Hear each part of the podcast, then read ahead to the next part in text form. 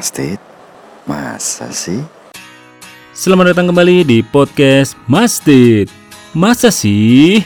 Oke, seperti biasa, sebelum kita memulai episode kali ini, kita dengerin dulu lagu berikut ini. Enjoy!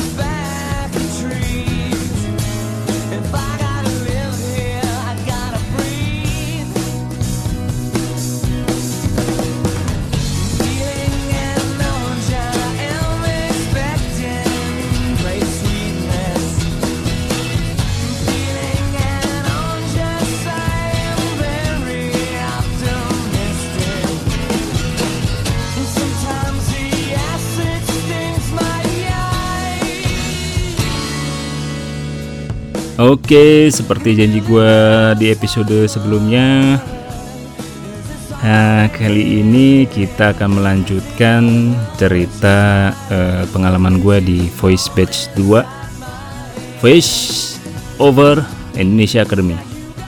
Kali ini gue mau menceritakan terakhir kemarin adalah gue ketemu dengan seseorang yang pertama kali mm, ngobrol sama gue Dan orang itu bernama Mas Boy Wah keren kan Dari namanya aja udah kebayang kan memang secara mm, fisik dia sangat eh, cowok tulen.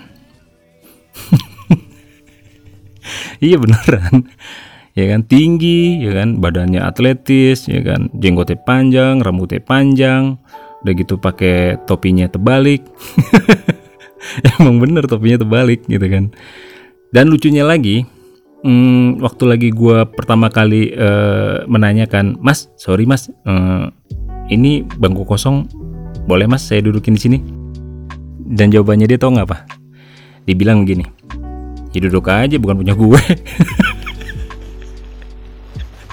oh iya bener, itu kan punya hotel ya. ya itu pertama kali gue ketemu sama Mas Boy. Namanya sih Mas Boy, tapi nama aslinya tau nggak? Nama aslinya dia, nih, nama aslinya dia nih. Tuh, nama aslinya tuh. Gue ulang nih, nama aslinya nih. Tuh, nama aslinya tuh. Sengaja gue bikin gitu. Soalnya ntar gue mau bikin kuis. Ada ntar kuisnya, pokoknya eh, simak aja ya kan. Semua episode eh, tentang Voice Batch 2 ini. Jadi eh, setelah gue duduk, akhirnya kita ngobrol ya kan, gue memperkenalkan diri, nama gue Utit gitu kan. Dan di situ ternyata kita punya banyak kesamaan. Jadi gue sama Boy ini, pertama kita sama-sama eh, punya bisnis kuliner. Dia punya eh, bisnis tahu bakso dengan nama tahu-tahu.idn. Nanti gue kasih tahu eh, nama Instagramnya. Dan gue juga sama. Gue bilang sama dia, gue juga punya nih bun-bun kulineri. Ya isinya macam-macam gitu kan. Ada cemilan ada masakan mateng ada kue macam-macam lah. Di situ ada asinan. Itu persamaan kita pertama. Kita sama-sama penggiat eh, usaha bisnis kuliner.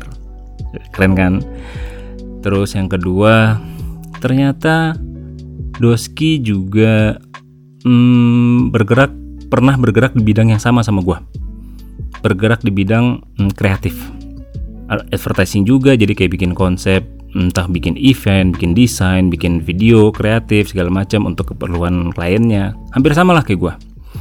Akhirnya kita nyambung kan ngobrolnya kan. Itu kemudian nah ini yang lebih menariknya lagi. Dia dengan bangganya bercerita kalau dia ke sini bawa sepatu roda itu yang pertama kali gue bikin. Ah yang bener loh gue bilang. Iya gue bener gue bawa sepatu roda. Kenapa emang ya? gue bilang. Ya gue pengen ngerasain aja jalanan di sini enak mulus kata dia bilang gitu. Jadi gue pengen sepatu rodaan gue di sini. Dan bener loh dia kasih lihat sepatu rodanya dia. Gue bilang oh gila lu beneran niat lu bawa sepatu roda. Pengen ikut pelatihan apa apa bilang pelatihan sambil seneng seneng kan nggak masalah. Gue bilang iya keren juga nih orang nih gue bilang. Ya kan dan akhirnya kita udah ngobrol panjang lebar segala macem gitu. akhirnya diumumkanlah dipanggil kita semua untuk memasuki ruangan. Memasuki ruangan yang sudah disiapkan oleh panitia bahwa acara penyambutan akan segera dimulai. Akhirnya kita masuk ke dalam ruangan tersebut. Dan di dalam ruangan tersebut gue melihat orang-orang yang keren-keren nih. Ya kan? Orang-orang keren yang eh, dia dandanannya sama kayak gue kan pakai dress code-nya kan atasannya hitam kan. Ganteng-ganteng cantik-cantik ya kan. Gue bilang wah ini keren-keren nih gitu. Terus eh, di depan juga sudah duduk para mentor ya kan. Para mentor. Dan pembukaan pertama itu disambut eh, apa dibacakan oleh eh, Mas Brian sambutannya. Mas Brian ini orang yang mengumumkan peserta-peserta yang lolos di eh, WhatsApp grup yang kemarin gue ceritain kan. Dan di situ gue langsung bilang ya, waktu itu gue bilang gini, dalam hati gue pas gue ngeliat Mas Brian, eh dan ternyata ganteng juga nih orang nih, gue bilang gitu. Tapi gue tetap normal ya. ini kan gue cuman melihat nih orang ganteng nih gue bilang gitu keren gitu kan itu opini pertama gue waktu ngelihat Mas Brian tapi begitu waktu dia ngomong ya kan dia memberikan kata sambutan dan segala macem gitu kan dia mengeluarkan jokes. Di mana jokes tersebut? Sorry ya mas ya. Tapi ini lo yang bilang sendiri mas. Dan jokes tersebut garing. Gue yakin semua teman-teman juga pasti dalam hatinya gue bilang lah ini jokesnya garing amat nih tapi yang lebih yang lebih nampolnya lagi adalah Mas Brian sendiri lo yang ngomong "Eh, garing ya?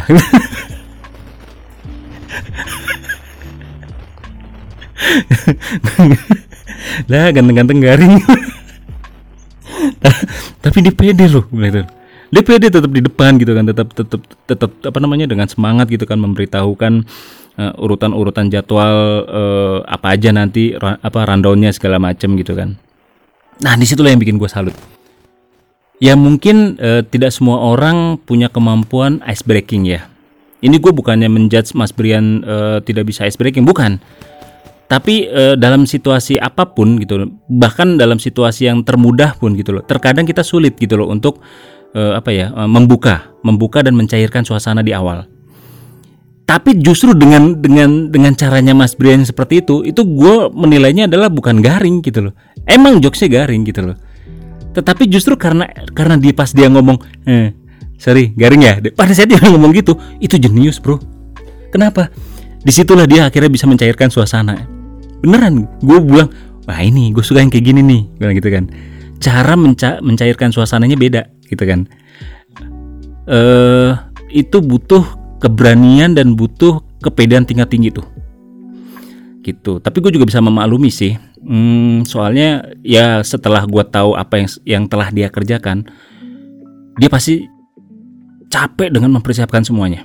Jadi ada kelihatan kayak eh, kelelahan tetapi harus eh, tetap semangat seperti itu. Nah dia tuh menutupi semua kelelahan itu tapi dia tetap semangat. Itu gue salut sama Mas Brian. Setelah dibuka sambutan oleh Mas Brian, kemudian ada sambutan dari wah ini keren nih. Ada sambutan dari Mas Menteri, Bapak Sandiaga Uno. Rencananya sih pengennya hadir langsung, tetapi karena ada ada kegiatan lain yang harus beliau eh, kerjakan, akhirnya kita em, melakukan cara online. Tapi meskipun secara online, gue di situ merasa kayak apa ya, eh, merasa senang dan bangga gitu loh segininya gitu loh kita sebagai peserta itu disambut gitu loh dikasih dikasih sambutan oleh Bapak Menteri ya kan Bapak Menteri eh, Sandiaga Uno. Bahkan beliau sempat berpantun gitu loh. Dan ya menurut gue pantunnya oke gitu kan.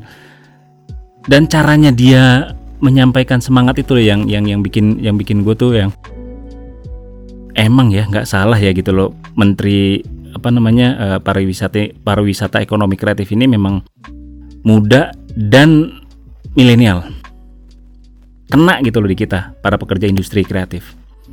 Itu yang gue apa ya eh, tersentuh ya gitu loh. Dengan kata-kata sambutan dari Pak Sandiaga Uno. Terus kemudian juga ada sambutan dari Pak Saifullah. Dirjennya nih dirjen dari Kemenparekraf. Itu juga keren. Kenapa gue bilang keren? Satu suaranya gile bro. Cowok banget apa ya wibawanya tuh suaranya tuh menggelegar dan berwibawa sekali gitu loh sebagai sebagai sosok. Ya pas lah gitu loh dia sebagai sebagai bapak dirjen ya. Suaranya kemudian juga dia punya apa namanya mengeluarkan eh, jokes juga meskipun ya jokes bapak-bapak ya. Tapi ya keren gitu loh. Gue bilang wah keren juga nih gue bilang nih. Emang orang-orang yang di industri kreatif itu emang keren-keren gitu jokesnya dia kena gitu kan. Ya meskipun receh tapi itu kena buat ya buat kita kita tuh di kuping kita tuh kena gitu loh jokesnya gitu loh. Kemudian dia memaparkan program kerja di Kemenparekraf juga yang membuat gue tuh uh ternyata ada ya program eh, yang mendukung para pekerja di industri kreatif ini. Dan programnya banyak loh. Keren. Semoga program yang sudah dirancang bisa lancar ya Pak ya. Buat Pak Syaifullah dan jajaran semua di Kemenparekraf. Kemudian juga ada sambutan dari tuan rumah ada sambutan juga dari Pak Ustadz yang ternyata beliau yang mengawal eh, penyusunan naskah cerita audio drama. Nanti itu akan gue ceritain di episode berikutnya ya. Dan akhirnya diperkenalkan juga eh, mentor-mentor yang nantinya akan hmm, mengajarkan atau memberikan pelatihan kepada kita. Ada Kak Tisa Julianti Kak Tisa yang aduh gue bilangnya apa ya? Gue kalau ngefans sama orang tuh gitu loh. Gue tuh langsung takjub. Dan gue tuh yang cuman bisa apa ya kayak senyum-senyum sendiri ngelihat wah ini orang hebat ya gitu loh. Juga ada Mas Ian Saibani yang ternyata wah gue baru tahu dia punya banyak apa di balik iklan iklan yang selama ini gue lihat ternyata tuh suaranya dia gitu loh juga ada Mas Agus Haryadi. Ini juga sama nih suami dari eh, Katisa nih. Ternyata dalam membuat eh, suatu eh, program misalnya entah audio drama atau iklan atau segala macam memang diperlukan seorang director. Nah beliau nih yang mendirect dan dari mulai direct dialog naskah voice itu beliau tuh. Di situ juga apa namanya eh, beliau sudah banyak mm, mem- me- apa ya, menghasilkan karya-karya yang keren. Juga ada Mas Tri dari Tom Studio. Wah gue bisa cerita banyak nih kalau Mas Tri ini juga orang hebat nih. Orang yang sangat mengerti dunia sound. Sound engineering dan segala macem. Nanti gue cerita di episode selanjutnya juga.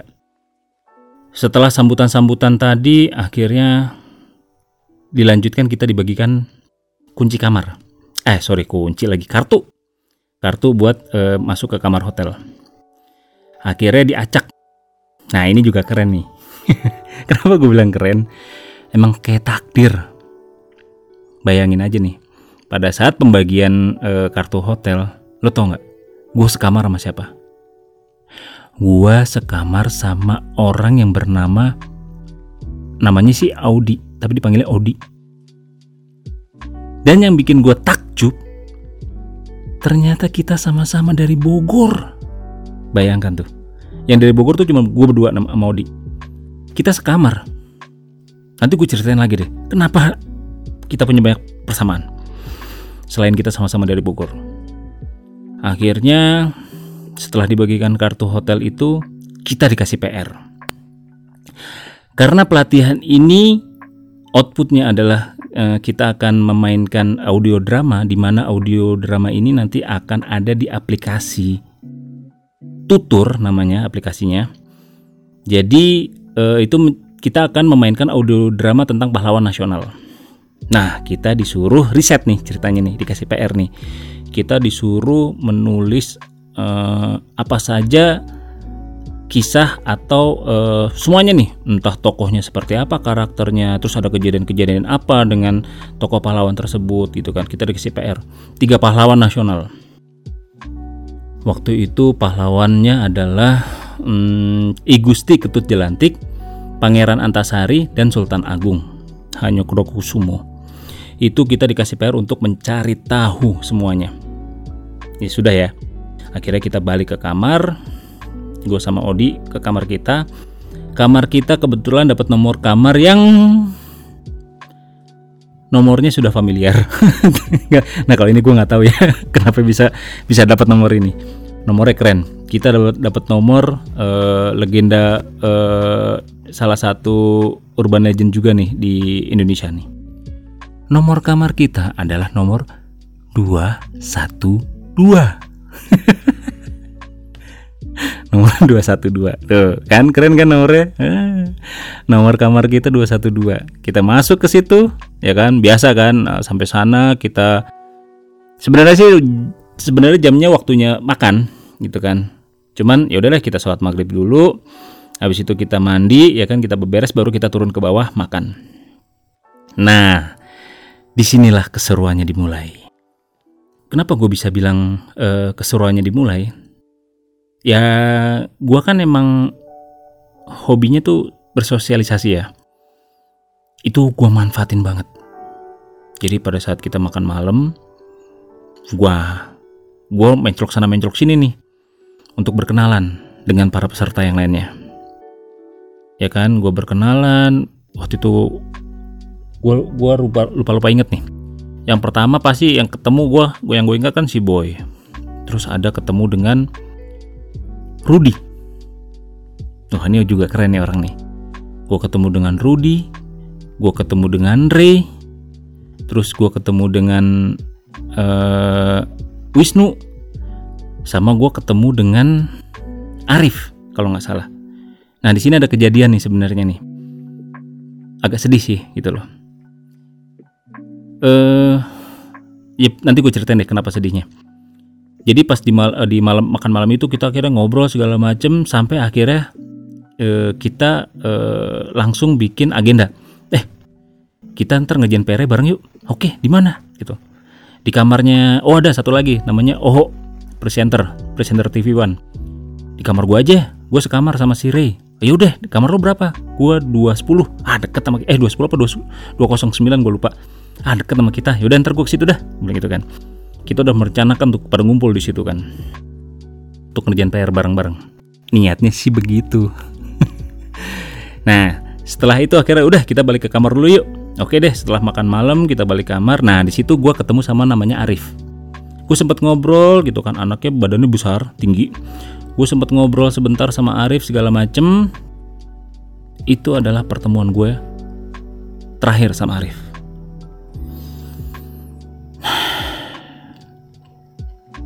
Kenapa gue bilang terakhir? Karena setelah kejadian malam itu, keesokan harinya, Arif tidak bisa melanjutkan pelatihan. Waktu itu yang terdengar kabarnya katanya dia keracunan. Keracunan kerang katanya sih, katanya gitu kan.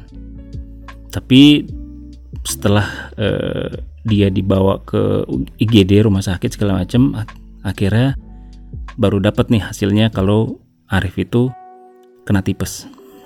Jadinya akhirnya dia tidak bisa melanjutkan kegiatan pelatihan voice over ini. Sangat disayangkan, ya gua doakan yang terbaik untuk lo Rif. Ya semoga kalau lo denger ini di mana pun lo berada, lo tetap semangat ya. Itu maksud gue ya kalau misalkan nanti ada peluang batch 3 atau selanjutnya semoga lo bisa lolos dan bisa ikutan juga.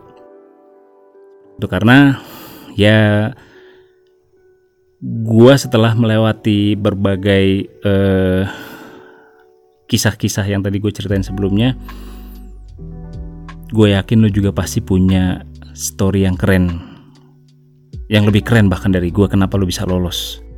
Lo pasti punya sesuatu lo pasti punya potensi kenapa lo bisa lolos karena semua peserta yang lolos itu memang yang menurut gue yang emang keren-keren banget lah gitu loh. Hebat-hebat lah. Nggak salah mereka pada lolos. Dan lo juga pasti sama Rif. Ya semoga lo bisa sukses di mana pun lo berada ya Rif ya. Lanjut. Setelah itu setelah kita balik kamar nah di situ ada Odi nih. Odin udah nyampe duluan. Nah ini ada satu nih gitu loh. Ada satu yang bikin gue tuh apa ya takjub sama dia. Ke mana pun kalau misalkan eh, apa namanya eh, entah kita habis latihan, entah kita habis makan, pasti yang ada di dalam kamar duluan dia. Setiap gue buka langsung, wih kamar udah nyala nih. Wah, Odi udah nyampe duluan nih. pasti selalu dia duluan yang udah nyampe. Gue juga bingung, nih orang cepet amat tuh nyampe di kamar duluan gitu. Belum, wah, di, apaan? Anak-anak pada ngumpul nih, pengerjaan PR, gitu kan. Ah, lo duluan aja deh mas, gitu gitu kan. Terus, gue masih lagi ngurusin ini dulu nih, anak-anak gue nih.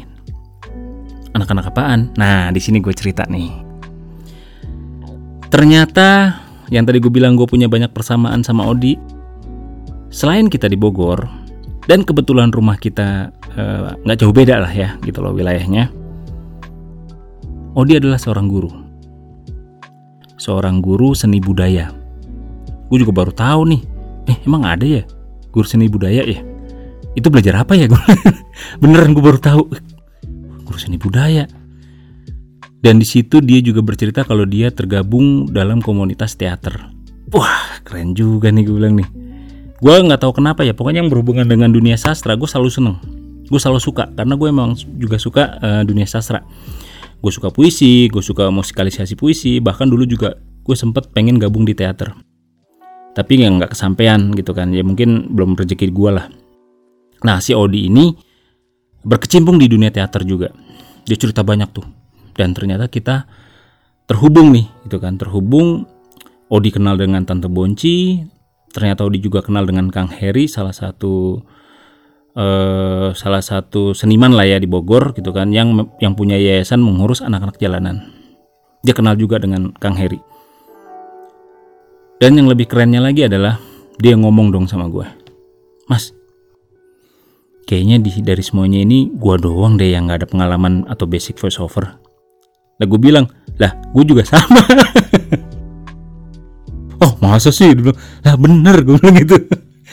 lah gue juga sama, gue cuma apa? Gue pet, paling apa yang berhubungan ya? Podcaster. Gue nge-podcast. Tapi ya bukan secara langsung yang menggeluti di bidang voice over, gue bilang gitu. Oh berarti kita sama ya? Lah iya kita sama. Wah kita beruntung banget nih bisa lolos nih. Lah iya gue bilang, gue juga bilang dari tadi kan gue beruntung bisa lolos, gue bilang gitu kan. Akhirnya kita ceritakan banyak lebar segala macem. Nah di situ gue bilang, yaudah kita kerjaan PR yuk. Aduh, taruh deh mas, lu aja duluan deh. Ntar gue nyusul, gue bilang gitu kan. Gue masih mau ngurusin anak-anak gue nih, anak didiknya dia gitu kan, murid-muridnya sama anak-anak di teater. Oh yaudah deh, ntar lu nyusul ya, gue di kamarnya si Oho, gue bilang gitu kan. Kamarnya si Ray. Iya yaudah, ntar gue nyusul. Akhirnya gue berangkat menuju ke kamarnya si Oho. Wih, di situ anak-anak udah pada ngumpul. Serius di situ ngumpul. Nih kalau yang yang gue inget ya di situ yang ngumpul nih ada Oho, ada Ray. Ray ini dari Bali. Tinggi, ganteng, suaranya khas banget. Ngebas-ngebas gimana gitu loh. Suaranya tuh seksi lah gitu loh kalau ukuran cowok tuh. Si Ray nih, Ray Paulus. Oho juga sama. Presenter TV One ya selayaknya memang eh, presenter ya, ya suaranya udah khas banget lah ya gitu loh dari dari cara dia bicara, cara dia membawakan berita udah khas banget lah gitu loh. Oh, ini presenter banget nih, gitu kan. Terus juga ada Colby. Colby ini ya voice over profesional lah, dia udah ternyata udah udah udah lumayan banyak lah gitu loh. Udah banyak mm, makan asam garam, udah banyak ikutan kelas VO gitu kan dan bahkan dia itu seorang dancer dancer profesional. Buh, keren deh. Udah gitu apaan? Kinclong mukanya. gue juga gue kalau ngeliatnya, buset muka lu mulus bener gue bilang gitu kan. Apa ya? Berkilau gitu loh. Kinclong keren keren gimana gitu loh. Kok bisa ya gitu kan. Kan kalau wajah gue kan ya Tom Cruise banget lah gitu kan. Jadi nggak terlalu kinclong gitu kan. Nah, dia ini kinclong gitu mukanya nih keren gue bilang gitu.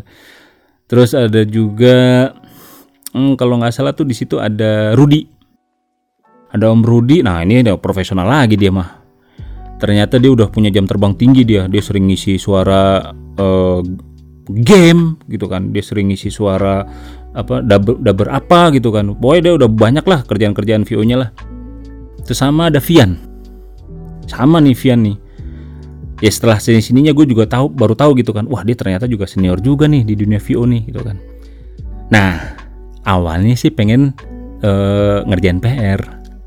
Tapi emang dasarnya cowok udah ngumpul ya udah kita bercerita banyak hal di situ. Wah ngalor ngidul nggak jelas nih kita ceritanya tuh. Dari ngomongin tentang hmm, relationship, ngomongin tentang ya dunia uh, voice over gitu kan, cerita-cerita gitu, pengalaman-pengalaman yang lucu, konyol gitu kan. Pokoknya banyak yang lucu-lucu lah cerita di situ. Bahkan sampai ngomongin tentang mic. Ray bawa mic kan. Jadi kita kayak uji coba gitu micnya gitu loh. Kita tes-tes micnya gitu gitu kan. Wah keren nih micnya nih. gitu. Ya akhirnya gitu deh gitu loh. Niatnya mau ngerjain PR malah nggak jadi. Sampai malam itu, sampai jam berapa ya? Jam 11 sampai jam 12 gitu loh. Udah deh, balik deh gitu kan. Udah malam, besok kita pagi ngumpul lagi nih latihan gitu kan. Ya udah, gue balik lagi kan, gue balik ke, ke, ke kamar, gue bilang, lah si Odi udah tidur. gue bilang, eh, lu mana jadi ngerjain PR nggak lu? Nah, inilah dia nih. Ternyata kita tuh punya kesamaan yang berikutnya. Apakah kesamaan kita? Kita adalah tim pasukan last minute. Apa maksudnya last minute? Udah deh mas, gue ngerjain ntar aja deh habis subuh.